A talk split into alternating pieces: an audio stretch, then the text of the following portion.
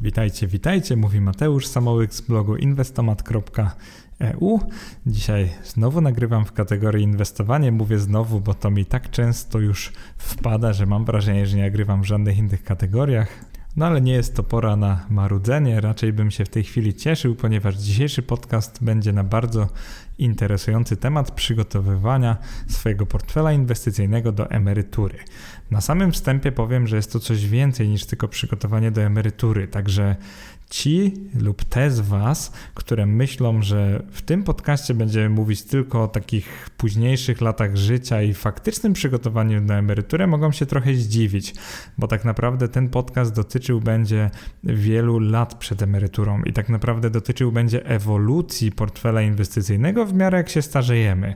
No oczywiście starzenie się samo w sobie nie jest jakimś tematem, mm, z którego byśmy się może cieszyli, o którym byśmy często myśleli, ale powiedziałbym, że każdy inwestor długoterminowy powinien mieć w głowie, że wraz z wiekiem jego lub jej portfel inwestycyjny powinien się lekko zmieniać. I oczywiście nie jest to taka reguła, że każdy powinien zmieniać swoje proporcje portfela i zaraz Wam powiem, że tak naprawdę istnieje mnóstwo podejść do prowadzenia portfela inwestycyjnego. Zacznijmy od tego, jak podzielę ten podcast.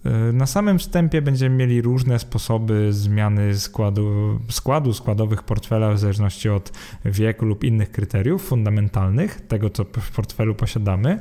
Będzie dość ciekawie, bo tutaj też włączę takie najczarniejsze scenariusze, opowiem Wam dlaczego niektóre sposoby zarządzania ryzykiem, zarządzania składem portfela po prostu działają gorzej od innych. Ale też powiem Wam, dlaczego według mnie takie podejście 100% akcji przez całe życie no niekoniecznie jest dobre dla większości z nas.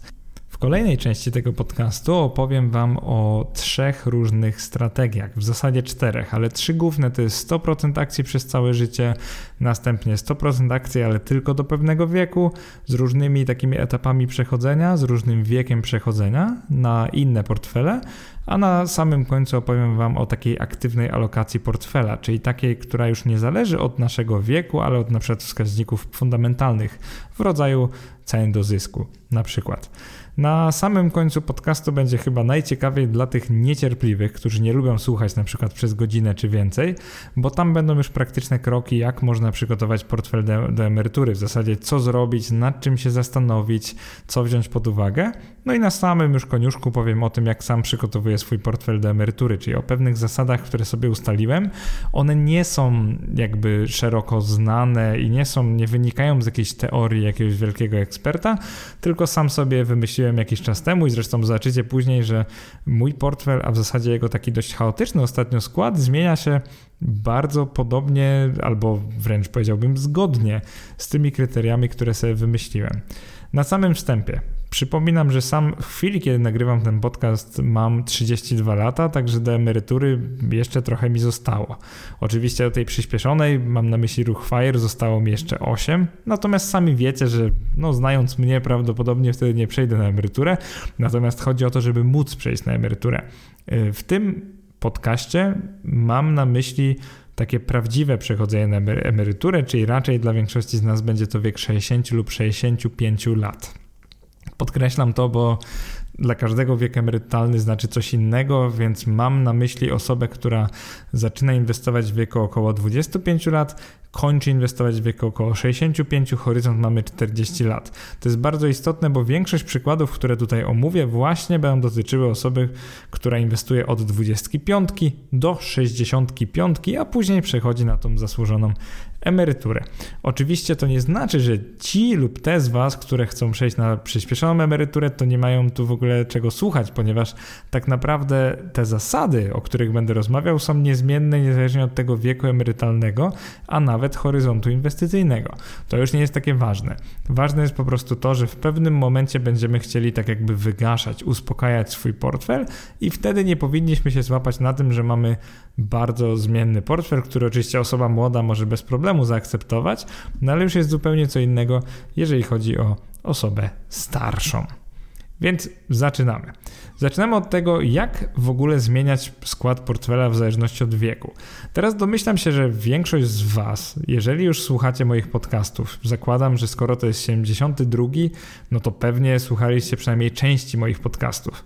No to prawdopodobnie ustaliliście sobie już jakieś kryteria zarządzania portfelem. Najczęściej macie jakąś sztywną proporcję, np. akcji i obligacji lub ETF-ów na nie. Przykładowo 60-40. Po prostu powiedzieliście sobie, moja tolerancja na ryzyko jest taka, że będę prowadzić, będę prowadziła portfel 60 na 40 akcje obligacje. Już tam nie wnikamy w ogóle jakie to są akcje obligacje, po prostu tak sobie ustaliliście.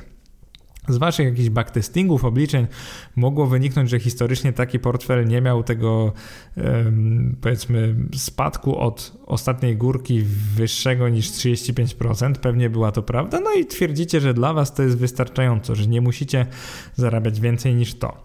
Na pewno będzie dla was ciekawe to, że w teorii prowadzenia portfela mamy wiele sposobów na takie zarządzanie ryzykiem według planu, czyli na przykład zacznę od tego, od najczęstszej, naj, najszerzej znanej metody zarządzania proporcjami portfela, to się po angielsku nazywa 100 minus age, po polsku po prostu 100 minus wiek.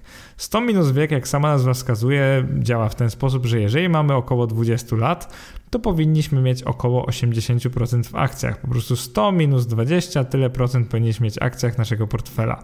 Oczywiście analogicznie mamy 32 lata, powinniśmy mieć około 70% w akcjach. Mamy 50 lat, powinniśmy mieć około 50% w akcjach i tak dalej, i tak dalej.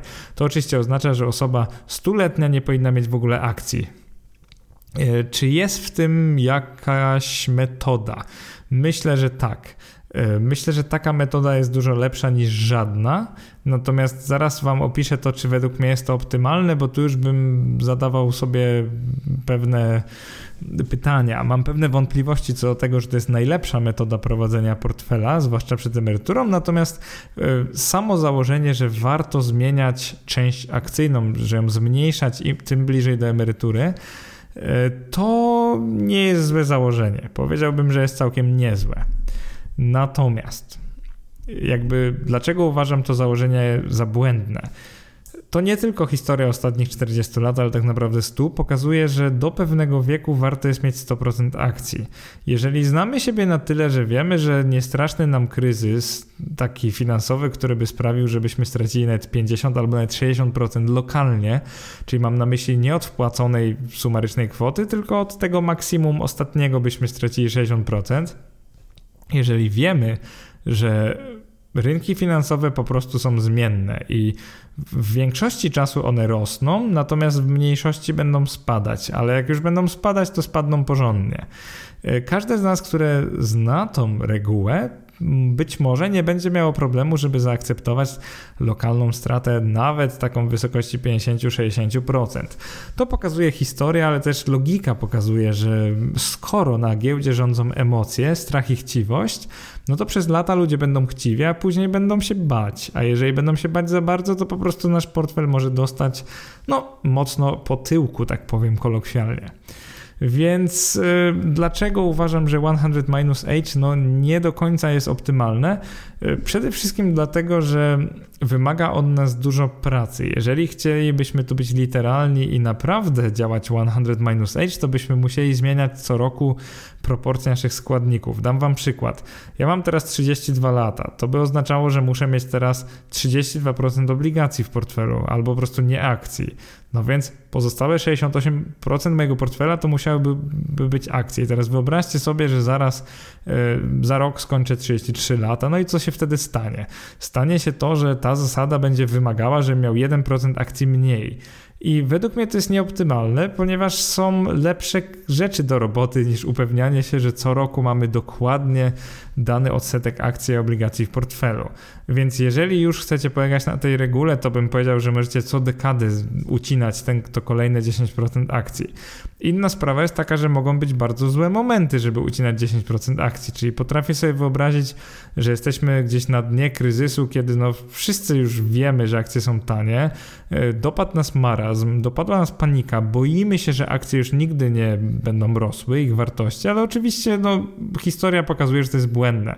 Możemy być smutni, bo straciliśmy jakby przynajmniej tymczasowo na portfelu dużo, dużo Mm, czy procentowo, czy nominalnie dużo pieniędzy, natomiast prawda jest taka, że no, historia pokazuje, że to zawsze odbijało i że tak długo jak gospodarki rosną, to giełda też będzie rosła. Że jakby tak ona działa. Skoro te firmy mają zyski, mają zarobki, to giełda w końcu się odbije i będzie rosła bardziej niż kiedykolwiek wcześniej. Przynajmniej dotychczas tak było. Jakieś założenie niestety musimy mieć, więc chyba możemy założyć, że dalej będzie podobnie. Więc tak jak mówiłem, y, jesteśmy na dnie kryzysu i akurat nastaje ten dzień, kiedy musicie zredukować, bo skończyliście na przykład 40 i musicie zredukować akcje z 70 do 60%, no to to byłby raczej kiepski moment w, na dnie kryzysu. Oczywiście analogicznie, jeżeli byśmy byli na jakiejś wielkiej górce i tam wszystko by rosło, cena do zysku byłaby jakaś bardzo wysoka, to oczywiście uważam, że byłby wtedy dobry moment, żeby tak zredukować e, akcje w portfelu. Ale to już inna sprawa, czy chcemy inwestować aktywnie, czy pasywnie, bo jeżeli pasywnie, to w pewnym sensie jest taka reguła, to po prostu musimy tak robić i się nie zastanawiać. Natomiast ja oczywiście w moim takim aktywnym stylu dorzuciłbym do tego szczyptę um, takiego oceniania, czy jest drogo, czy tanio na giełdzie, czyli jednak tego cena do zysku. Powiedzmy sobie trochę w ogóle o kontroli ryzyka za pomocą obligacji. Ci z Was, którym myli się, że obligacje powinny nie wiadomo ile zarabiać, to przypomnę Wam, że jakby one nie po to są. W portfelu mamy obligacje po to, żeby one trochę zarabiały, tak jak mówiłem w serii o obligacjach, swoją drogą bardzo polecam. Ona jest taka niedoceniana, bo mało kogo interesują obligacje, ale powiem Wam szczerze, że ona może Was naprawdę wiele nauczyć. Osoby, które ją przeczytały lub przesłuchały, bo też mam podcasty, to jest bodajże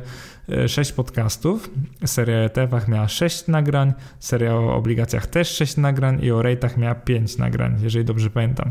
Natomiast osoby, które przesłuchały te podcasty lub przeczytały wpisy, zawsze wracają do mnie, dziękują za nie i mówią, że to była naprawdę świetna, świetnie spędzony czas, ponieważ poruszam tam pełno takich niuansów, których powiedziałbym nie uczą w szkołach, tego na pewno, mm, ale takich praktycznych. Ja akurat inwestuję w obligacje korporacyjne od lat i trochę wiem na ten temat, więc wydaje mi się, że wiem co mówię. Wracając do tematu portfela, co jest mylnego, to to, że inwestorzy spodziewają się, że obligacje będą stopą zwrotu walczyły z akcjami. Tymczasem, jakbyście sobie włączyli wykres z mojego wpisu, on się nazywa Inwestowanie 1000 dolarów miesięcznie w latach 79-19, czyli 1979-2019. No co zobaczycie? Zobaczycie to, że przez większość czasu im więcej akcji w portfelu, tym wyżej on jest, tym lepiej on sobie radzi. Ja zrobiłem takie zestawienie, że mamy od 100% akcji, to jest akurat S&P 500, czyli największy indeks właściwie największych spółek amerykańskich, z obligacjami 30-letnimi, tak zwanymi US Treasury Bonds, czyli to są takie obligacje skarbowe, tylko że amerykańskie na najdłuższy okres, więc one najczęściej mają najwyższe oprocentowanie w danym momencie bo mają inwestora zabezpieczyć przed tą zmianą stóp procentowych na wiele lat. Jeżeli byśmy kupowali tylko takie dwa składniki, to, to zrobiłem taki wykres, w którym zaczynamy od osoby, która ma 100% akcji i idziemy o 10%, czyli 90-10, 80-20, 70-30 i tak dalej, i tak dalej. Idziemy sam, na sam dół, gdzie osoba ma 100% obligacji. I robimy po prostu portfele hybrydowe, które mieszają jedno i drugie, zakładając idealny rebalancing, żadnych prowizji, żadnych podatków. W zasadzie to są nierealne założenia, no ale na potrzeby wpisu to powinno wystarczyć. No i jak wyrysujemy sobie takie, sobie takie coś, no to wychodzi, że w, przez większość lat akcje radzą sobie znacznie lepiej od obligacji, ale w momentach, gdy są kryzysy, im człowiek ma więcej akcji, no to oczywiście tym bardziej spadnie ten portfel, wartość portfela. Działa to w praktyce tak, że za każdym takim większym kryzysem w tych właśnie 40 ostatnich latach, czyli mam na myśli lata właśnie 2000-2002, a później 2008-2009, za każdym większym kryzysem ten portfel akcyjny potrafi spaść tak bardzo, że wręcz przegrywa z innymi. No i ciekawa sytuacja jest taka, że w pewnym momencie on przegrywał z obligacyjnym nawet. Czyli to jest tak, że przez 20 lat wasze portfele akcyjne radzą sobie dużo lepiej niż waszych znajomych, którzy inwestują w obligacje, ale nagle przez kilka kwartałów, kilka miesięcy, ze względu na ogromne spadki podczas kryzysu, wy zaczynacie przegrywać z obligacjami. To jest taka ciekawostka. Wnioski, jakie z tego wykresu potrafię wyciągnąć, wyobraźcie go sobie, tak jak Wam mówiłem. Większość czasu akcje wygrywają, ale czasami nie. I na przykład to jest tak, że na minimach rynku akcji z marca 2003 roku portfel 100% akcji zanurkował na tyle mocno, że kompletnie stracił 28 lat sukcesywnego budowania przewagi nad innymi portfelami. Wyobraźcie to sobie, bo to jest naprawdę no, gruba sprawa, powiedziałbym nowoczesnym językiem. Na kolejnych minimach z lutego i marca roku 2009 portfel 100% akcji zanurkował tak mocno, że z najlepszego w 2007 roku portfela, bo był wtedy najlepszy znowu, stał się portfelem, uwaga, uwaga, najgorszym, który został wyprzedzony nawet przez portfel 100% obligacji. E, we wpisie na wykresie nazwałem go 0100, tak gwoli ścisłości, żebyście mieli spójny przekaz. Do powrotu na szczyt i stania się ponownie po tym dołku najlepszym portfelem wystarczyło mu tylko 10 miesięcy, ponieważ w styczniu 2010 roku wrócił on na swoją pierwszą lokatę. Natomiast po 45 latach oszczędzania, tu akurat mówię o rozpiętości lat nie od 79, a od 74, bo też zrobiłem taką symulację, inwestor 100% w akcji zrobiłby z sumarycznych wpłat w wysokości, uwaga, uwaga, trochę ponad pół miliona dolarów, 540 tysięcy dolarów, zrobiłby aż 13,5 miliona dolarów, czyli 25-krotność sumy swoich wpłat. Tak właśnie działa procent składany i trochę cierpliwości. Największą pułapką jest to, że prawie nikt z nas nie wytrzyma takich strat lokalnych. Po prostu zaczniemy sprzedawać akcje. I to jest tak naprawdę największy problem w prowadzeniu portfela 100% akcji. Teraz chciałem Wam w podcaście powiedzieć o takiej też metodzie Warrena Buffetta. On często mówi, że jak on umrze, to będzie zlecał, to zleci swoim następcom, żeby po prostu kupowali, czy swojej rodzinie, żeby kupowali 90% indeksu S&P 500 i 10% obligacji krótkoterminowych, akurat w tym przypadku, Skarbu Państwa USA, czyli Stanów Zjednoczonych. Co mówi Warren Buffett i jak to się ma do tej reguły 100 minus wiek? Warren Buffett wie, że przez większość czasu akcje radzą sobie o wiele lepiej niż wszystkiego innego, bo to są żyjące, to są oddychające firmy, które generują zyski, więc Warren Buffett rozumie, że jak się będzie kupować indeks największych, to siłą rzeczy większość z nich będzie dużo zarabiać, bo skoro to są, wyobraźcie sobie, skoro to jest 500 najlepszych, największych przynajmniej przedsiębiorstw wśród dziesiątek, tak naprawdę tysięcy notowanych na giełdzie, no to oczywiście y, to z natury będą firmy, które sobie dobrze radzą. Nie wszystkie z nich, ale większość będzie sobie dobrze radzić. No to Warren mówi, że po co wybierać, po co się bawić w to, co on się bawi przez wiele lat, jeżeli nie wybierając też będziemy mieli tam około kilka procent przynajmniej rocznie. W ogóle nie wybierając, tylko mając idealną dywersyfikację, przynajmniej na rynek w Stanach Zjednoczonych. Oczywiście Warren mówi do Amerykanów. On nie mówi do nas, on mówi do ludzi, którzy mieszkają w Stanach Zjednoczonych. To, co chce przekazać nam Warren, to właśnie taka informacja, że i co z tego, że czasem są kryzysy, jak w długim terminie, jak będziecie kupować rok do roku, miesiąc do miesiąca będziecie kupować akcje, no to portfel 100% akcji poradzi sobie po prostu najlepiej. I Warren oczywiście ma rację, jak zazwyczaj, bo Warren zazwyczaj ma rację, to nie jest tak, że on się w ogóle nie myli, on jest człowiekiem. Natomiast Warren najczęściej ma rację. Wyobraźcie sobie gościa, który codziennie czyta gazety, e, czyta o wszystkich spółkach, zna ich e, liczby, mam na myśli zyski, przychody, zadłużenie, zna na pamięć praktycznie i na, na bazie tego podejmuje swoje super racjonalne decyzje, czyli on jest trochę bardziej jak komputer niż jak człowiek. Natomiast szacunek dla niego za to, co robi, bo naprawdę ma dobre wyniki inwestycyjne. Więc Warren nam mówi, nie słuchajcie ekspertów, nie bawcie się w żadne proporcje e, w zależnej od, od wieku 80-20, 70-30 i tak dalej, ponieważ Warren ma takie podejście, że jeżeli macie na przykład 40 lat i do emerytury macie jeszcze sporo czasu, no to portfel 60-40 będzie wam tylko redukował potencjał do zysku. E, czy ja się z Warrenem tu zgadzam, czy nie, no to jest długa historia, bo Warren ma rację, ale tylko w założeniu, że wy wytrzymacie te spadki na giełdzie. Czyli jeżeli Warren mówi do super profesjonalistów albo do ludzi, którzy są doświadczeni, powiedzmy, że ja po dekadzie inwestowania jestem już na tyle doświadczony, że już poczułem kiedyś, jak to jest stracić na przykład 30% od górki albo nawet 35%, więc jakby już mam to za sobą, wiem, jakie emocje mną wtedy targają lub nie, bo powiem wam szczerze, że coraz bardziej się też robię taki właśnie robokop, Terminator, że w momencie jak są takie spadki, no to mi nie jest jakby dużo gorzej niż jak miałem więcej pieniędzy na rachunku. Ja na przykład zauważyłem w marcu ubiegłego roku, czyli marcu roku 2020, że ja wcale nie byłem jakiś bardzo dotknięty tymi lokalnymi spadkami. Tak jakby nawet miałem w głowie, że może te spadki będą głębsze, ale ja nie byłem wcale jakiś załamany. Po prostu miałem podejście, jak spadki będą głębsze, no to wyjmuję z obligacji i kupuję akcje. Tylko podkreślam, ja mam portfolio mieszane. Jak były te spadki, to ja miałem akcje wręcz mniejszość, a nie większość.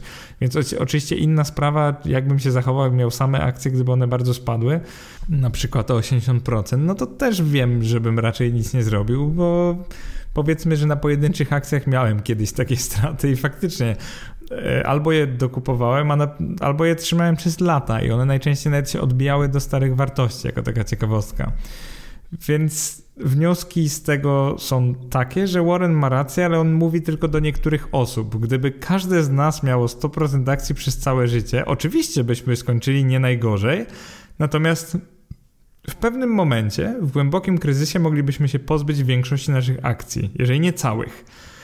I to byłby problem, ponieważ byśmy wtedy faktycznie zrealizowali ogromną stratę i byśmy stracili te pieniądze, na które pracowaliśmy przez lata, więc tego nie chcemy. I najczarniejszym scenariuszem dla przyszłego emeryta jest to, wyobraźcie sobie, żebyście przechodzili na emeryturę w najgorszym, właściwie najgorszej dekadzie z tych 40 lat, czyli właśnie w latach 99-2009, czyli byście mieli po drodze dwa kryzysy i tak naprawdę wtedy praktycznie każdy moment na przejście na emeryturę był kiepski.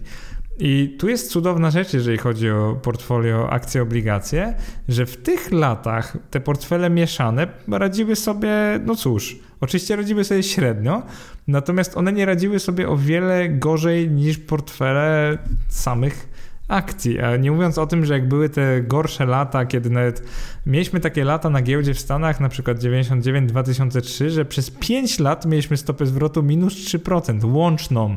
Albo 2004-2008, no to łączna stopa zwrotu minus 11%. To, co chcę Wam przekazać, to to, że bywają takie nawet pięcio lub lecia lub dekady, że inwestor zainwestuje w tak złym momencie, że będzie stratny przez 10 lat. Natomiast szansa na to, że tak będzie przez długi okres czasu jest praktycznie bliska zeru. I tutaj Warren ma rację. Natomiast dla dobra samej psychiki większości z nas, no to sugeruje takie 100% akcji do końca życia jako no chyba najgorszą metodę prowadzenia portfela. Oczywiście, jeżeli ktoś jest cyborgiem i nie sprawdza swojego portfela i zupełnie tej osobie nie sprawia problemu i nie robi różnicy takiej jakościowej w życiu, może spać spokojnie. Tutaj nawiązuję do wywiadu, który miałem z Jackiem Lempartem, ale się śmiałem, że właśnie ważne, żeby spać spokojnie. No to jeżeli ktoś może spać spokojnie, nawet jak portfel jest, nie wiem, 70% na minusie od ostatniej górki, no to jak to mówią, good for you. Jeżeli tak jest, no to faktycznie to nie widzę żadnego problemu, żeby posłuchać Warren, Warrena, nawet żeby niekoniecznie mieć te, te obligacje skarbowe, żeby po prostu mieć 100% akcji. Ale, i teraz jest wielkie ale, myślę, że większość z nas powinno prowadzić portfel inaczej i powinno się naprawdę przygotować na emeryturę. Czy potrzebowałem 23 minut, żeby to powiedzieć? Myślę, że tak, ponieważ kontekst jest bardzo istotny. To jest bardzo istotne, żebyście zrozumieli, że akcje przez większość czasu radzą sobie świetnie, ale jak sobie nie radzą świetnie, to radzą sobie fatalnie i potrafią spaść bardzo, bardzo dużo. Chcę Was na to wyczulić, zwłaszcza, że jesteśmy w tym rejonie, no jak ja to nazywam, drogich akcji, gdzie cena do zysku już tam trochę odlatuje w kosmos. Oczywiście optymizm rządzi na giełdzie w takich momentach, natomiast to jest właśnie problem. Mm, to właśnie Warren mówi, drży, gdy inni są optymistyczni. On to mówi jakoś inaczej, ale to też tak mówi, że kupuj, gdy inni się boją, natomiast uciekaj, kiedy inni e, mają po prostu euforię, że są super optymistyczni. Zacznijmy od tego. Cztery metody prowadzenia portfela przed emeryturą. Pierwsza to jest zupełnie pasywna. Ona działa tak, że prowadzisz przez całe życie portfel na przykład 70-30 albo 60-40 i po prostu pamiętasz o rebalansingu, na przykład gdy akcje mocno potanieją i z 70% stanie ci na przykład 65% w akcjach, albo gdy akcje mocno podrożeją i z 70% robią się 75%. Pamiętaj, żeby wtedy odkroić te akcje lub dokupić je za obligacje, czyli po prostu żeby robić rebalancing. E, tej opcji nie będę jakoś szeroko omawiał, natomiast większość portfeli, które gdzieś tam zamieszczałem na blogu, w podcaście, one oczywiście są właśnie takie w pełni pasywne i tam się w ogóle nie zarządza e, tym, tą alokacją. I teraz przedstawię Wam w pewnym sensie rozwinięcie tych możliwości, czyli co można robić, żeby jednak alokować, żeby zmieniać na przykład z wiekiem. Druga opcja to jest rodem z funduszy inwestycyjnych, czyli zmieniać proporcje akcji obligacje wraz z wiekiem. Uważam, że nie jest to pomysł fatalny, ale według mnie daleko mu do ideału, czyli do optymalnego zarządzania portfelem. Właśnie problem z taką alokacją półaktywną, czyli że prowadzimy pasywnie, ale zmieniamy, na przykład robimy takie schodki.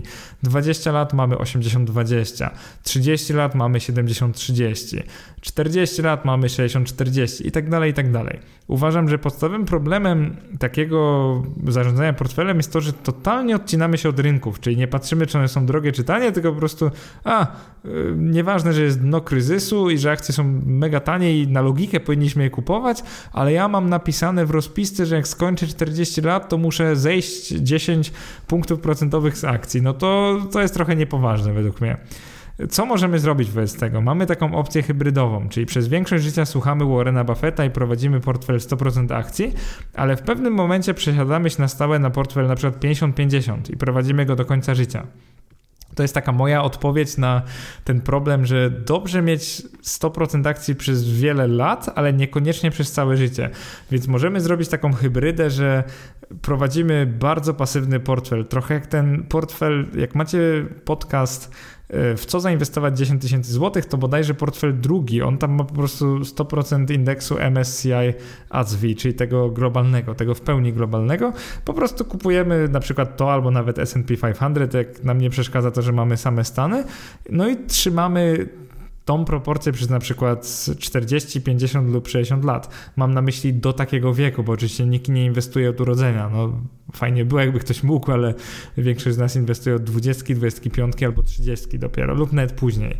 Mm, to, co chcę powiedzieć, to to, że można mieć 100% akcji i w pewnym momencie zrobić taki permanentny switch na 50 na 50 na przykład, albo każdą inną proporcję. E, jest jeszcze opcja aktywnego inwestowania, która jest bardzo atrakcyjna dla mnie samego. E, ona nie znaczy, że mamy aktywnie inwestować na przykład w wybrane akcje, ponieważ możemy aktywnie inwestować ETF-ami też. Tutaj chodzi o to, żeby aktywnie opuszczać rynek, gdy jest za drogo i wtedy zaopatrzyć się w sporo cierpliwości, żeby do niego wrócić, jak już będzie tanio. Czyli zakładamy tutaj, że będzie cyklicznie i te akcje jednak wrócą, że się rynki ochłodzą i one wrócą do takich rozsądnych wycen. I teraz Każda z powyższych strategii, które Wam wymieniłem, jest w pewnym sensie niezła. Jest lepsza niż zaniechanie i nie robienie nic. Jeżeli macie taki niekontrolowany portfel, jeżeli nigdy nie myśleliście o tym, co zrobicie przed emeryturą, to myślę, że warto, żebyście się zapoznali z każdą z nich, że każda jest na swój sposób ciekawa. Zacznijmy od tej, którą polecają eksperci, czyli od 100 minus wiek. Co w niej jest takiego dobrego, a co jest niedobrego? Przede wszystkim zadajmy sobie pytanie, czy to jest rozsądne, żeby na przykład w wieku 30 lat pozwolić sobie na to, żeby mieć nie 100% akcji, jeżeli jesteśmy pasywnymi inwestorami. Czyli przestańcie w ogóle patrzeć na chwilę na giełdę jak na takie coś, co jest drogie i tanie, bo w tym podejściu jesteście zupełnie pasywni. Czyli nie zadawajcie już sobie w ogóle pytania, czy rynki akcji są przegrzane, czy jest drogo, który rynek jest najtańszy i tak dalej, i tak dalej. Przestańcie w ogóle zadawać sobie to pytanie, tylko zadajcie sobie inne pytanie. Czy wytrzymam spadek w wysokości 60 lub 70% od górki? Jeżeli odpowiedź brzmi tak, i jeżeli drugie pytanie, czy będziesz dalej sukcesywnie dokupywać akcji od tego portfela lub ETF-ów na akcje? Jeżeli odpowiedź brzmi tak, jeżeli jesteście tego pewni, no to uważam, że taka alokacja właśnie 70-30, bo mam 30 lat, albo 60-40, bo mam 40 lat, lub 50-50, bo mam 50 lat. Ona nie jest może zła, ale ona jest trochę suboptymalna. To by mogło być naprawdę lepiej przeprowadzone, jeżeli inwestor robiłby to chociaż trochę bardziej aktywnie, przynajmniej moim zdaniem. Też symulacje pokazują coś podobnego. To nie jest do końca złe, bo zauważcie, że w każdym wieku macie trochę akcji i samo to w sobie jest bardzo dobre. Uważam, że Dobrze jest mieć tą sztywną proporcję akcje-obligacje, żebyście mieli z czego dokupywać akcje, jak będą tanie i żebyście mieli gdzie uciekać, jak akcje będą drogie.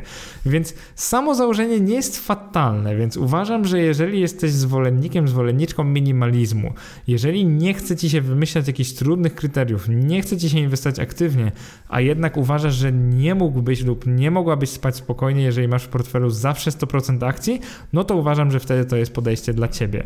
I tak naprawdę nie będę się nad nim jakoś dużo rozwodził, ponieważ o tym 100 minus age, czyli 100 minus wiek, bardzo dużo mówili profesjonaliści.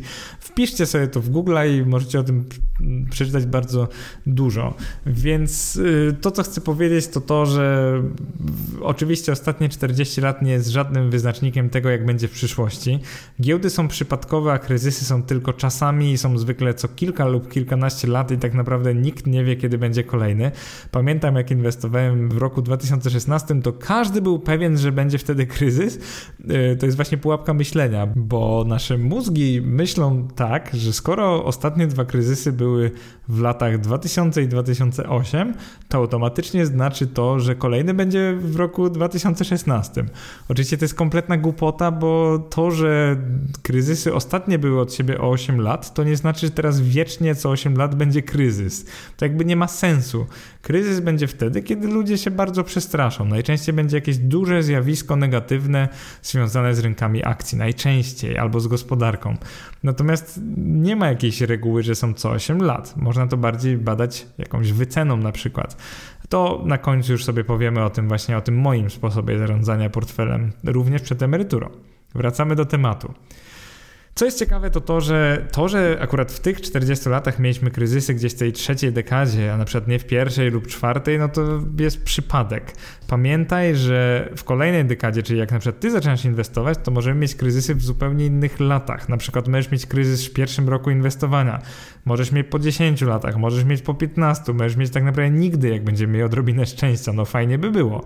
Natomiast siłą rzeczy gdzieś tam grawitacja w końcu dotyka rynku, ludzie sobie przypominają, że nie można za spółki płacić stukrotności ich obecnych zysków i z jakiegoś powodu wszystko wtedy leci. Inwestorzy przypominają sobie, że rynki są zmienne, wszyscy się boją, przez parę lat jest gorzej, a później znowu zaczyna rosnąć. E, omówmy trochę to, co sugeruje Warren Buffett. Akurat ja robię wersję ekstremalną, bo Warren mówi 90-10 akcje, obligacje.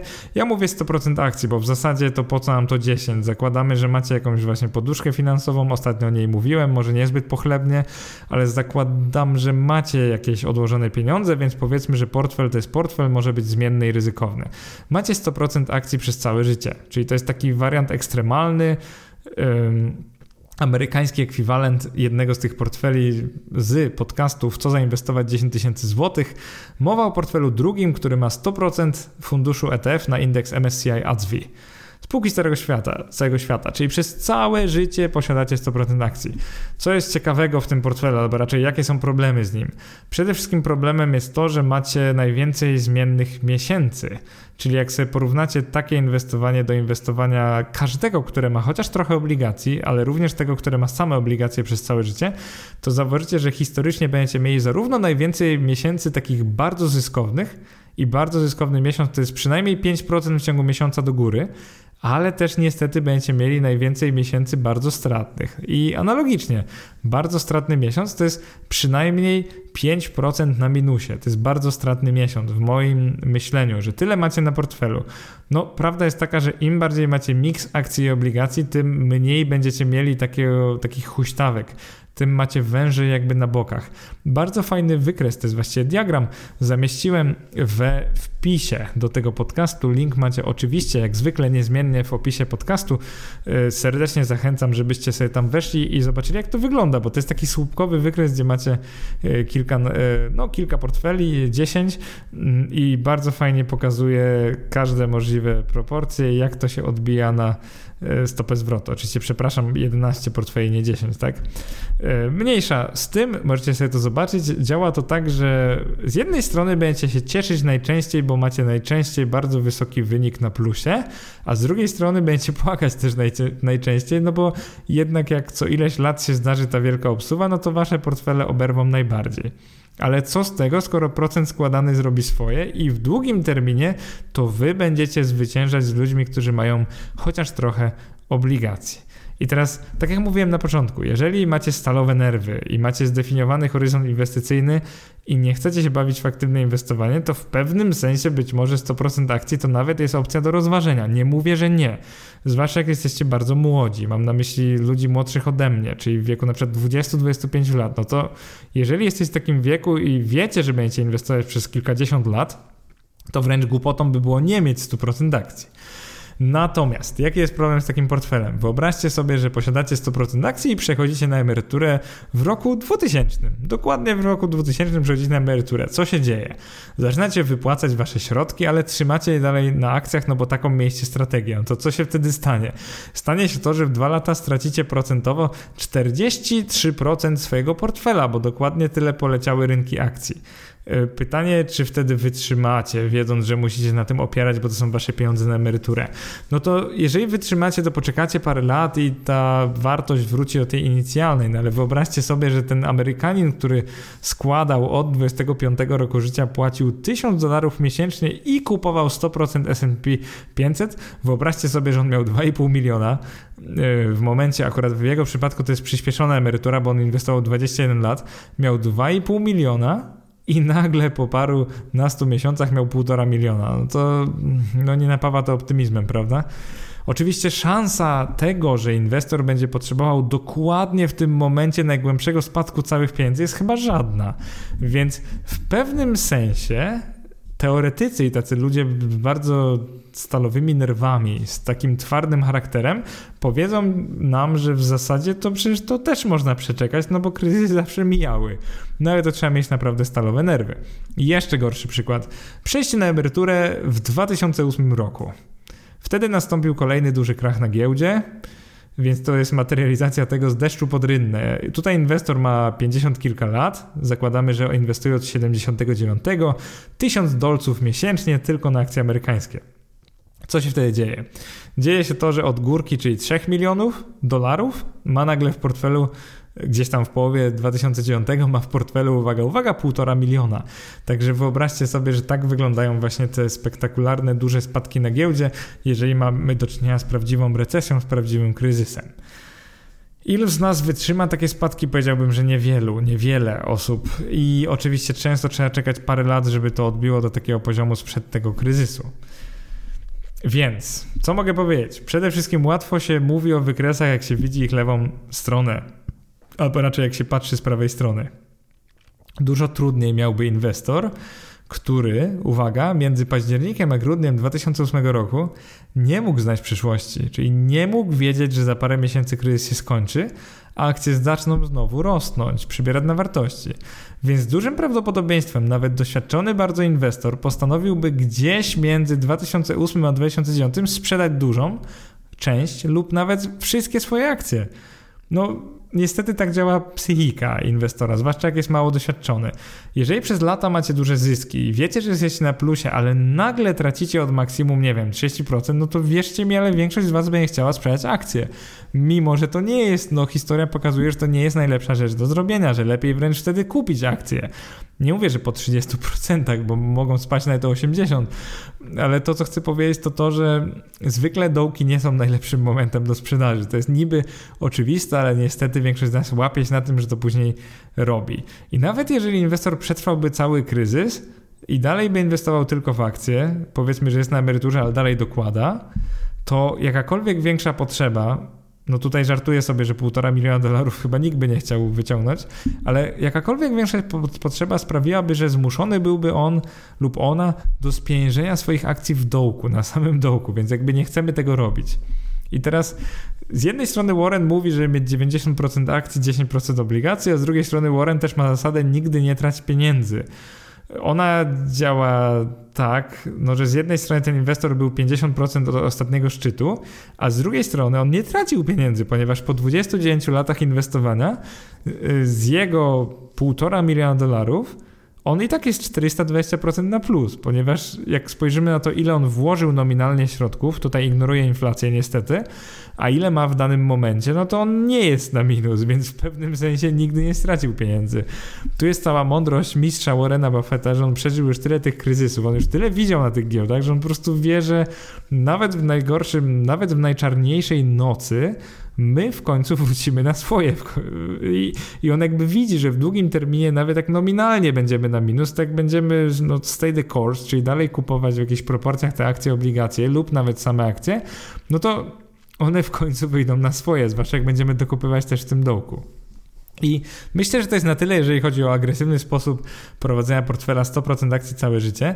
Y, podsumowując, jest tylko dla wybranych z nas, którzy mają stalowe nerwy, którzy wiedzą, że akcje tak mają, że są bardzo zmienne i którzy rozumieją, że możemy musieć przejść na emeryturę w bardzo złym momencie. Dla kogo taki portfel nie jest? Na przykład dla osoby, która planuje wybudować dom dopiero na emeryturze, albo kupić dom, no bo pewnie nikomu się nie chce budować, więc już wtedy w takim wieku. Więc kupić na przykład letniskowy domek. Jeżeli macie taki plan, że zaraz po przejściu na emeryturę chcecie kupić domek o, nie wiem, wartości miliona lub dwóch złotych nad jeziorem gdzieś tam, żebyście sobie spokojnie żyli, no to myślę, że dla was to jest fatalny pomysł, no bo jest po prostu duża szansa, że będziemy w recesji wtedy. No może nie duże, ale jednak procentowo to jest kilkanaście powiedzmy procent, że wtedy będzie kryzys. Więc nie chcecie raczej mieć takiego portfela przez całe życie. I teraz przechodzimy do takiego wariantu ciekawego, który sam wymyśliłem na potrzeby tego podcastu. 100% akcji, ale tylko do pewnego wieku. Wyobraźcie sobie, że prowadzicie portfel 100% akcji, ale robicie switch strategii w pewnym momencie. Czyli nie, że strategia 100 minus age, tylko robicie tak, że 100% akcji, ale na przykład po 40 przechodzicie na 50 na 50 albo na przykład po 50 przechodzicie na 50 na 50, albo nawet po 60 dopiero, czyli tam 5% do tej właściwej emerytury przechodzicie na 50% akcji, 50% obligacji.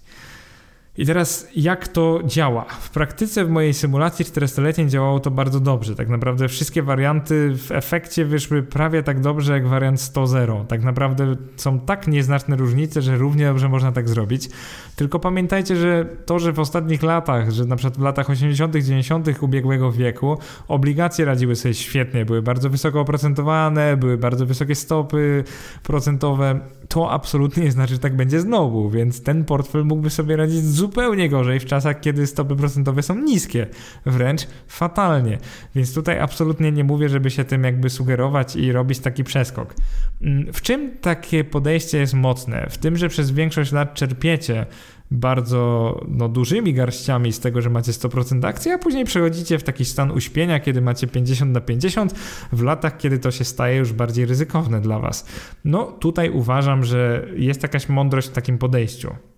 Kolejny plus jest taki, że macie o wiele mniej myślenia o portfelu, ponieważ tylko sobie zakładacie, ok, w pewnym wieku sprzedam 50% moich akcji lub ETF-ów na akcje i kupię 50% jakiegoś globalnego ETF-a na obligacje na przykład.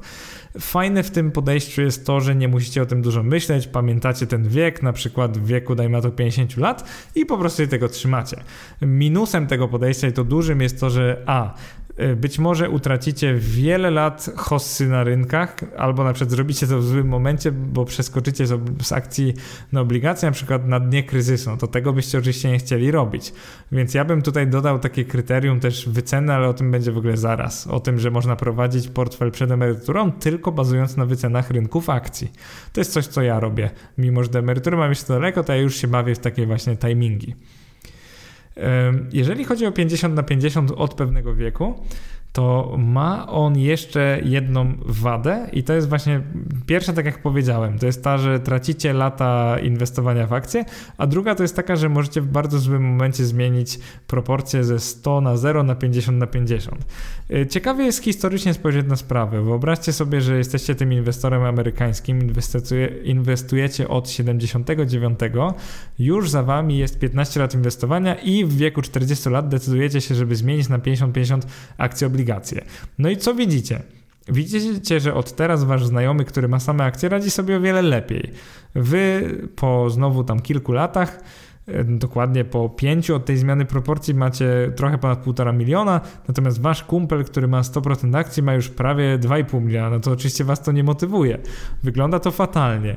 I teraz uwaga, mija kolejne 10 lat i się okazuje, że już chwilę później, bo w tych latach właśnie 2000-2003 nagle zaczynacie wygrywać z tym inwestorem, który miał 100% e, akcji. To jest taka ciekawostka.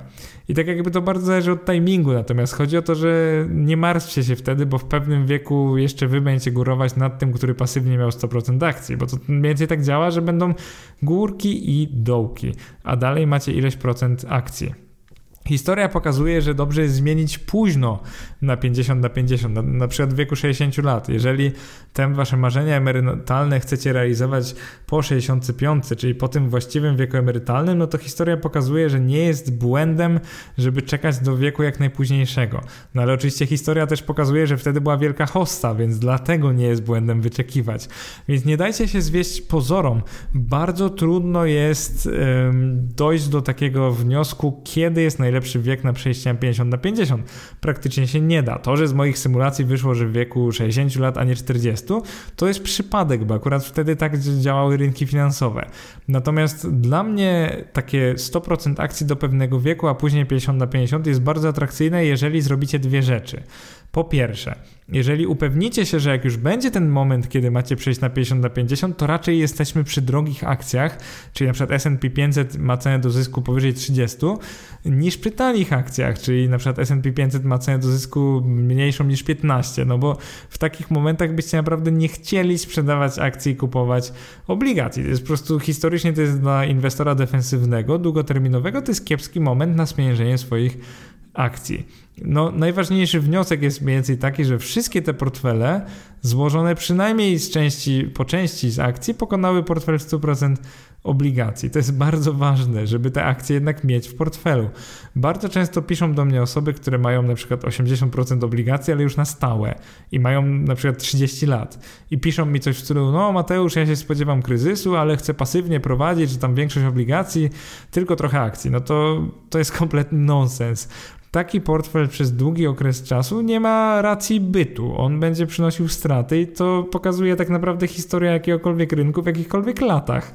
Po prostu w długim terminie posiadanie na przykład 80% obligacji, no oczywiście z wyjątkiem już wieku grubo emerytalnego, gdzie wiecie, że zaraz będziecie chcieli wypłacić całość, nie ma sensu. Po prostu marnujecie potencjał rynku akcji. To po prostu jest bez sensu. I teraz uwaga, co innego, jak tak jak ja posiadacie przykład teraz akcji mniej niż, no ja przyznam wam się bez bicia, posiadam teraz akcji na rachunku około 30 kilku procent, no i bałbym się mieć więcej. Dlaczego tak robię? Ponieważ ja zarządzam portfelem aktywnie, czyli aktywnie zmieniam proporcje portfela w momencie, gdy S&P 500 jest droższe niż lub tańsze niż, czyli po prostu o tym jak ja robię powiem wam zaraz. Natomiast teraz przestudiujmy sobie dwie możliwości. Wyobraźcie sobie, że zamiast od wieku, czyli nie robicie 100 minus wiek, albo nie robicie, że w wieku 50 lat chcecie mieć 50 na 50, lub tam w wieku 40 50 na 50, czyli przestajecie myśleć o swoim portfelu jako o zależnym portfelu od wieku, natomiast myślicie o swoich portfelach jako portfelach zależnych od wyceny rynków akcji. Podejście jest mniej więcej takie. Mamy ten wskaźnik cen do zysku. Wiem, on nie jest idealny. Natomiast mamy historyczny jego przebieg i on jest całkiem potwierdzony dla np. S&P 500. Wyobraźcie sobie, żebyśmy kupowali akcje przez większość czasu, ale tylko wtedy, kiedy nie byłyby za drogie. Czyli na przykład ustalamy sobie historyczny poziom ceny do zysku na przykład na poziomie 20. No i niestety to jest zły poziom, bo to by znaczyło, że większość czasu nie mamy w ogóle akcji. No to ustalmy sobie poziom 25. No to to już jest niezły poziom, ale dodajmy trochę bezwładności, dajmy trochę 10% na przykład. Czyli zróbmy 27, żeby było tak, żebyśmy nie, nie przeskakiwali między akcjami i obligacjami co miesiąc, no bo często były takie okresy, kiedy to skakało. Natomiast powyżej 27 to jak już skakało, to najczęściej na niedługi czas, czyli ten rok 2000 i rok 2008 pokazały, że akcje najczęściej nie skaczą tak, ta ich wycena nie skacze powyżej 27, e, jeżeli chodzi o cenę do zysku na długi okres czasu.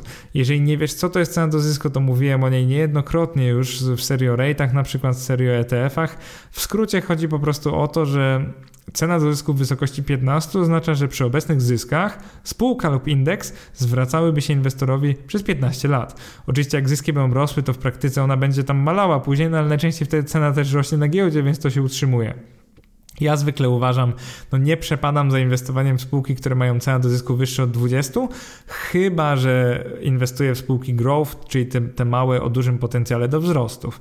No i teraz jak sprawdzimy sobie wykres historycznego wskaźnika cen do zysku dla największych spółek amerykańskich, no to się okaże, że on czasami przekraczał nawet na lata to 27 wspomniane przeze mnie, więc to nie jest może optymalna strategia inwestycyjna, bo ona by znaczyła, że mamy 100% akcji przez te tam 20 prawie lat, później w roku, uwaga, no to jest za wcześnie, bo to jest marzec roku 98, pozbywamy się akcji, na przykład przechodzimy na 50, 50 akcji obligacje.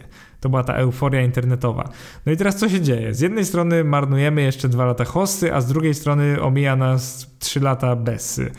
Czy to jest dobre, czy złe, to jest inna sprawa. No i teraz wracamy na rynek w lipcu 2003 roku i znowu do 2008 do maja jesteśmy na rynku, no bo wtedy akcje były względnie tanie, czyli cena do zysku była poniżej 27. Teraz co robimy?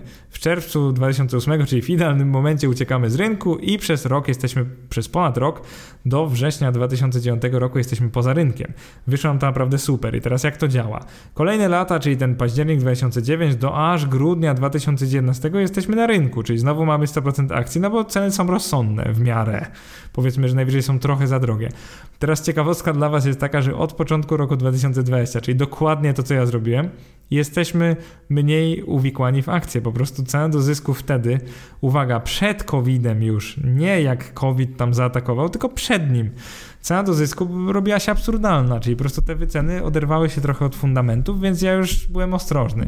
Jeżeli któreś z Was ma trochę czasu i chcecie zobaczyć na to dowód, no to mój, ten to jest chyba pierwszy lub to jest chyba drugi podcast, natomiast to jest wpis, który nazywa się w co można inwestować, ja tam pierwszy raz powiedziałem o moim portfelu inwestycyjnym, tam omawiałem różne klasy aktywów, ale też nagrałem, jeszcze nie umiałem wtedy mikrofonu obsługiwać, więc pewnie trochę więcej plułem niż teraz, że tak powiem, ale nagrałem wtedy wam o tym, że w moim portfelu jest coraz mniej akcji, bo się po prostu boję, bo akcje są drogie, czyli ja nie przewidziałem COVID-u, ja nie wiedziałem, że będzie COVID, natomiast ja wiedziałem, że akcje są drogie, bo ja tak steruję moim portfelem.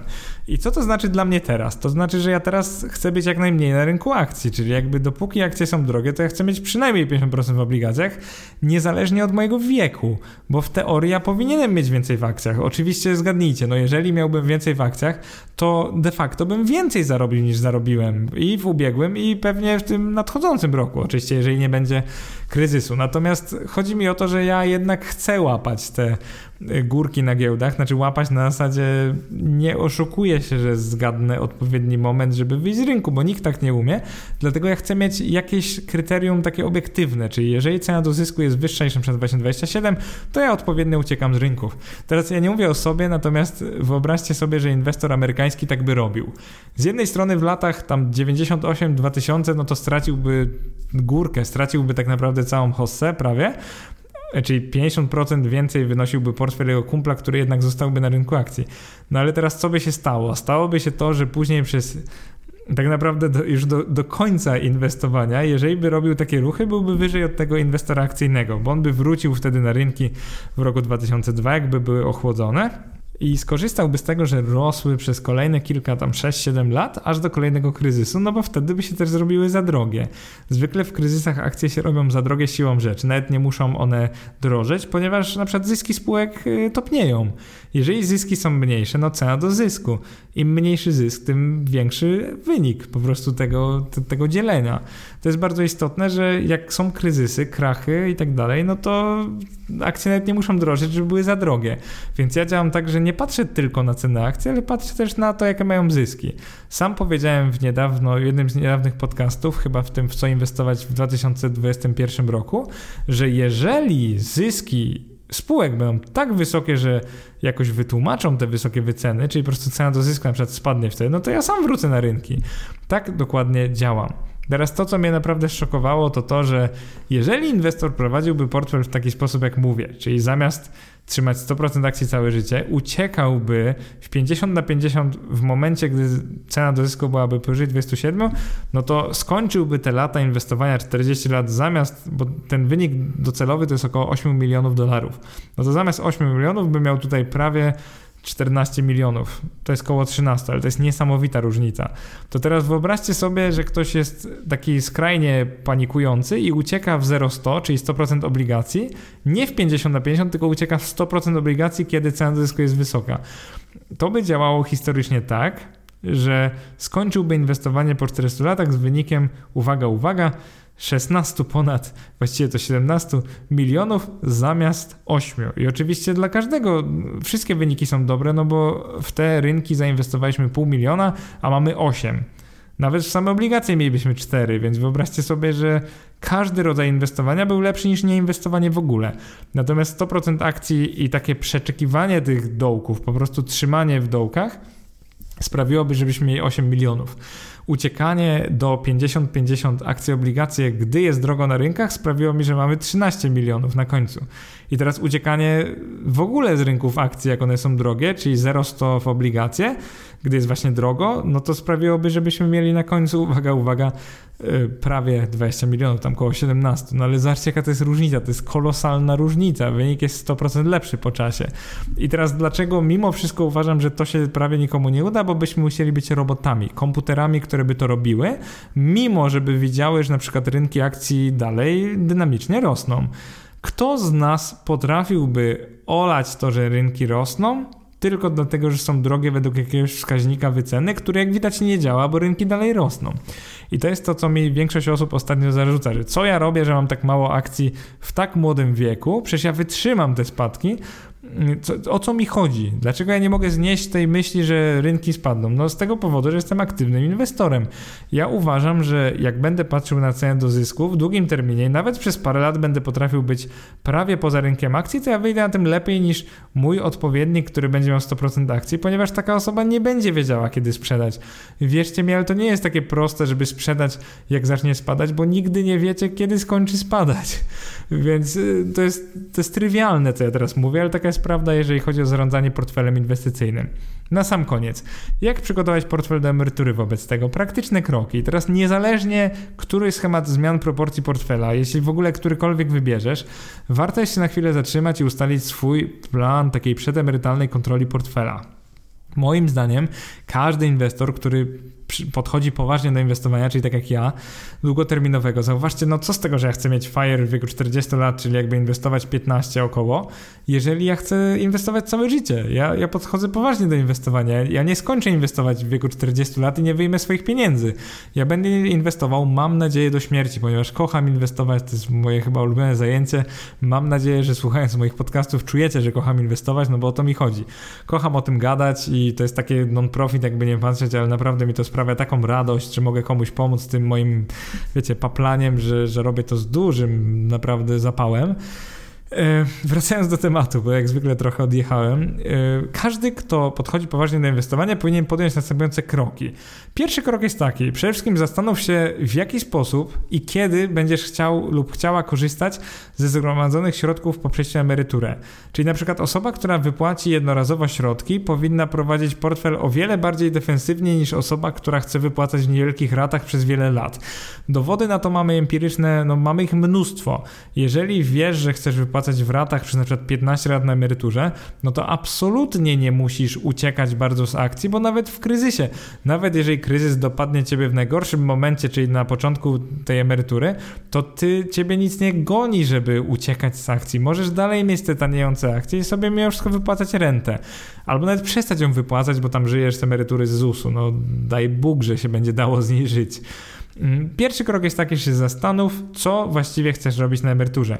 Jeżeli chcesz kupić dom i to dom o jakiejś wartości miliona dwóch, no to oczywiście nie chcesz prowadzić portfela 100% akcji, bo to jest zbyt ryzykowne. No nie chcesz nagle móc kupić połowę mniejszego domu i spalić połowy swoich swojej krwawicy, swoich oszczędności, na które przez lata pracowałaś lub pracowałeś, no to nie chcesz tego robić. Y, natomiast jeżeli chcesz po prostu dorzucać sobie do emerytury, coś jak ja, ale chcesz prowadzić portfel pasywnie, no to jak najbardziej możesz mieć 100% akcji, no bo zauważcie, że no co z tego, że na jednej emeryturze to bardzo straci na wartości, skoro ty chcesz wypłacać rentę. No to renta wieczysta, jakieś parę nawet tysięcy złotych miesięcznie, to nie będzie dla ciebie problemem, że jesteśmy w dołku, no bo ty dalej będziesz prowadzić ten portfel przez wiele, wiele lat, więc będą jeszcze lepsze czasy pewnie dla twojego portfela. Y, zbadaj przede wszystkim obecny skład swojego portfela, czyli w ogóle zastanów się, co teraz masz w portfelu. To jest drugi krok. Zamodeluj go tak, by się czuć w każdej sytuacji komfortowo. Czyli może ich historia udowadnia, że 100% akcji albo jak Warren mówi 90% radzi sobie w długim terminie najlepiej, no bo to prawda, jeżeli nie inwestujesz aktywnie, tylko właśnie pasywnie alokujesz, czyli masz po prostu 100% i koniec na przykład. Istotne jest zrozumieć to zagrożenie związane z posiadaniem 100% środków w akcjach.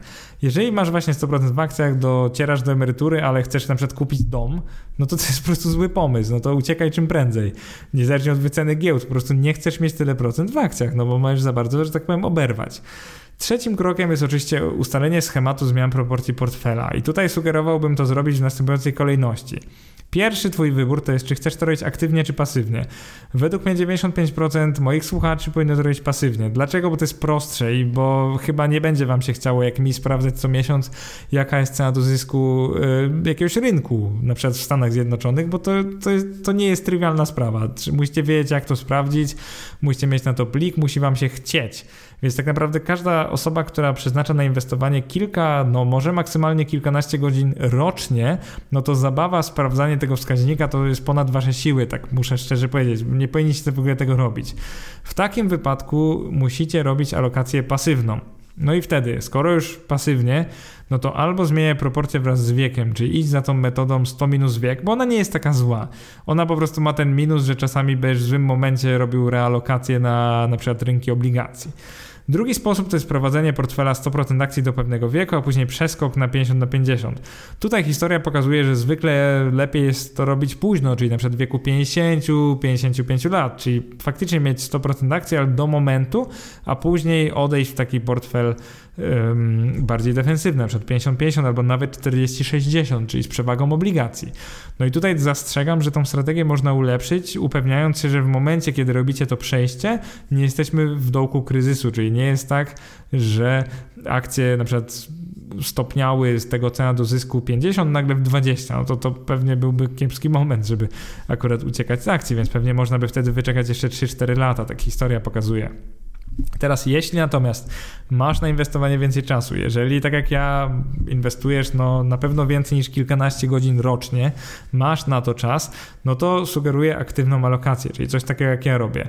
Tutaj przeważnie sprawdzi się lepiej ta strategia 100% akcji, ale gdy drogo 50 na 50, bo będzie wam po prostu łatwiej tak alokować, czyli żeby nie uciekać zupełnie z akcji nigdy, czyli coś jak ja robię, że zawsze będę miał trochę akcji, nawet jak będzie bardzo drogo, po prostu tak inwestuję. Natomiast wybieram te akcje tańsze wtedy, ale mimo wszystko chcę mieć wtedy akcje, na przykład dywidendowe. E, więc pierwsza decyzja jest taka, czy chcesz wtedy uciekać w 50 na 50, czy inną proporcję. Dajmy na to, że chcesz 50 na 50. Kolejna sprawa jest taka, zastanów się nad kryterium, czyli czy dasz radę sprawdzić, jaka jest cena do zysku i czy na przykład sprawdzasz rynek, na którym inwestujesz, czy sprawdzasz wszystkie rynki świata, czy może samą Amerykę. Najczęściej kryzysy to działały tak, że Ameryka pociągała za sobą wszystkie rynki świata. Czyli jeżeli Ameryka była zbyt droga i ona zaczynała później spadać, to wszystko spadało, więc jakby rynki są tutaj nie fair mocno, bo może być tak, że droga jest tylko Ameryka, na przykład cena do zysku w Ameryce wynosi 50, a na przykład w Azji wynosi gdzieś tam 15, to może być, że Azja też będzie spadać, więc pamiętaj o tym, że nawet mając globalny portfel, no to gdzieś tam warto patrzeć na tą cenę do zysku rynku amerykańskiego, czyli na przykład S&P 500. E, tu było bardzo dużo teorii, więc mam nadzieję, że masz jeszcze siły, żeby posłuchać o mojej metodzie alokacji.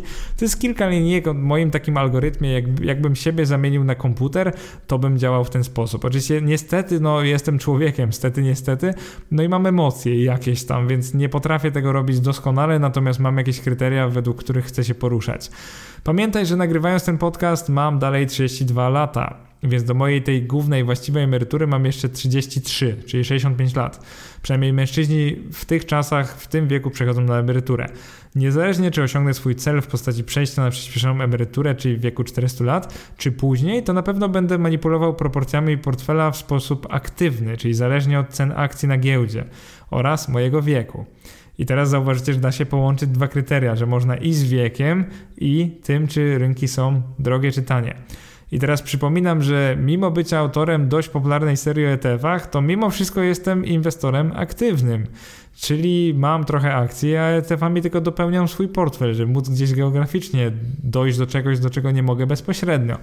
Żebyście wiedzieli, żebyście wiedzieli, że no może nie jestem spekulantem, ale też nie jestem inwestorem zupełnie pasywnym. Może w przyszłości będę, ale teraz nie jestem. Więc Do mnie zupełnie nie pasuje pasywna koncepcja prowadzenia portfela, gdzie 100% kupuję na przykład S&P 500. Czasami się śmieję, że może lepiej by mi to wychodziło, gdybym tak robił, ale jakoś nie pasuje to do mojego charakteru. Moje kryteria zmiany proporcji portfela opiszę w najprostszy możliwy sposób. Zacznijmy od tego, kiedy rynki akcji są tanie i tutaj mierzę cena do zysku, czyli PE, współczynnik, wskaźnik dla S&P 500, no to podobnie jak robi to inwestor w tym wpisie, czyli gdy średnia spółka jest notowana ze wskaźnikiem cena do zysku niższym od 12, to jest akurat moje prywatne kryterium, czyli bardzo tanio, to niezależnie od wieku chcę mieć 100% kapitału w akcjach, nawet jak będę na emeryturze. I teraz ciekawe, czy w moim życiu kiedykolwiek cena do zysku S&P 500 będzie poniżej 12, ale jeżeli by była, to niezależnie od wieku chcę mieć 100% akcji. Uważam, że jak kocham mieć tanie akcje i jak akcje będą według mnie tanie, to chcę je mieć i niezależnie czy jestem na emeryturze, czy nie. Więc to jest dla Was może ciekawe kryterium, że odcinam zupełnie wiek, ale jeżeli rynki są na cena do zysku niższym od 12, zawsze mam akcję. I teraz uwaga, co robię, jeżeli cena do zysku jest między 12 a 25? To są moje kryteria takie, że rynki są normalnie, średnio wyceniane. To wtedy prowadzę portfel 80-20, czyli 80% to globalne akcje i ETF-y na akcje, a pozostałe 20% to, i teraz uwaga, uwaga, przed 55 rokiem życia obligacje korporacyjne, no bo lubię je, umiem w nie inwestować i nigdy nic mi tam nie bankrutuje, a po 55 roku życia e, obligacje skarbowe, czyli to jest trochę skomplikowane, bo mam zawsze 80-20, zawsze dopóki cena do zysku S&P 500 nie jest powyżej 25, tam jest pewna bezwładność. Nie będę co miesiąc zmieniał, więc jeżeli długo się utrzymuje tam 20-20 parę, to już y, jakby lampka mi się zapala, no ale trzymam takie proporcje 80-20 większość akcji. I chcę mieć właśnie resztę portfela 20%, niektórzy nazywają to poduszką finansową w obligacjach korporacyjnych, a później jak będę starszy w obligacjach skarbowych, bo jednak są one znacznie bezpieczniejsze.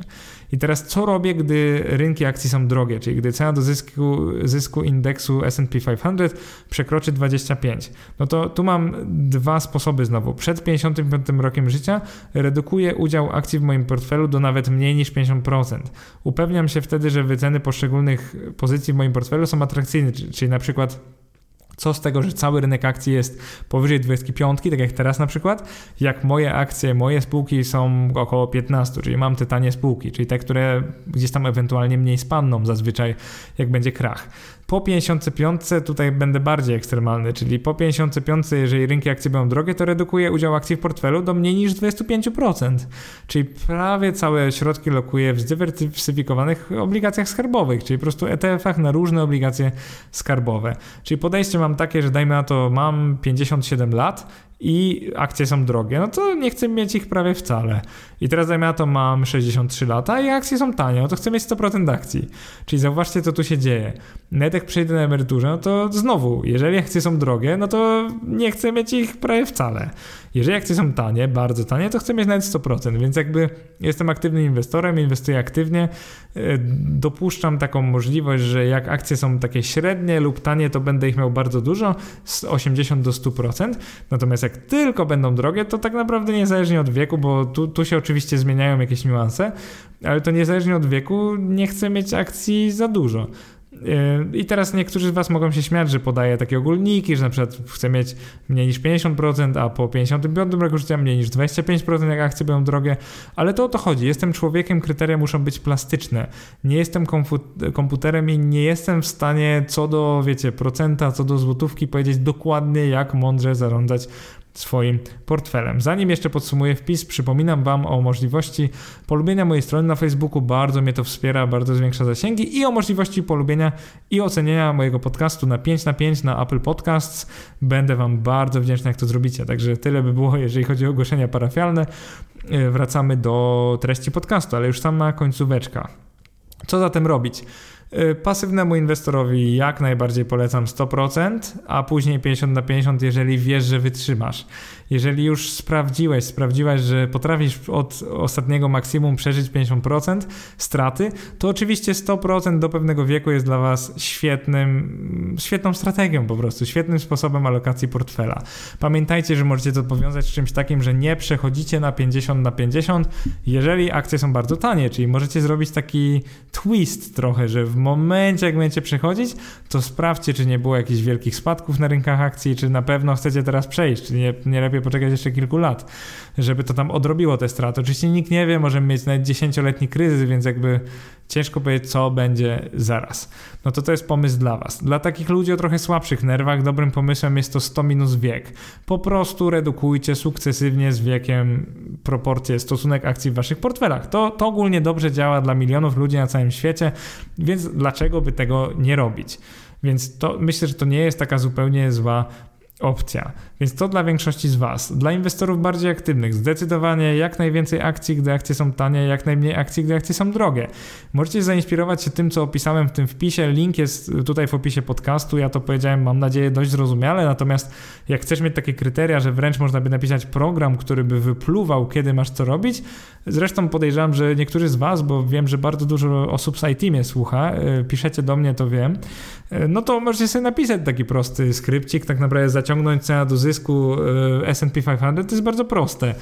Wasze proporcje portfela zaciągnąć też jest bardzo proste, bo możecie mieć w jakimś Excelu, czy nawet w jakimś programie, więc w bazie danych więc nie będzie z tym jakiegoś dużego problemu. Możecie sobie napisać po prostu algorytm, który będzie podejmował decyzję za was, na chłodno. I to powinno pomóc wam w dużej mierze w przygotowaniu portfela na emeryturę. To by było na tyle, jeżeli chodzi o plan prowadzenia portfela na emeryturze. Myślę, że był to jeden z ciekawszych podcastów, które nagrałem. Być może, które e, kiedykolwiek nagram, może takie moje magnum opus. E, powiem wam szczerze, że bardzo fajnie się pisało ten wpis, niesamowicie ciekawie się nagrywało podcast i szczerze mówiąc, oby jak najwięcej takich ciekawych podcastów. Zrobiłem tutaj dużo symulacji. Ja nie jestem fanem backtestingu, ale jednak historia jest nauczycielką życia. Ona dużo uczy, jeżeli chodzi o inwestowanie, więc i tutaj powiem Wam szczerze, że można się bardzo wiele nauczyć z historii, więc ja bym czasami jednak na niej polegał i dał po prostu, no, zaufałbym temu, co było, patrząc w przyszłość. Bardzo Wam dziękuję za wysłuchanie tego nagrania. Naprawdę jesteście super i do następnego. Cześć.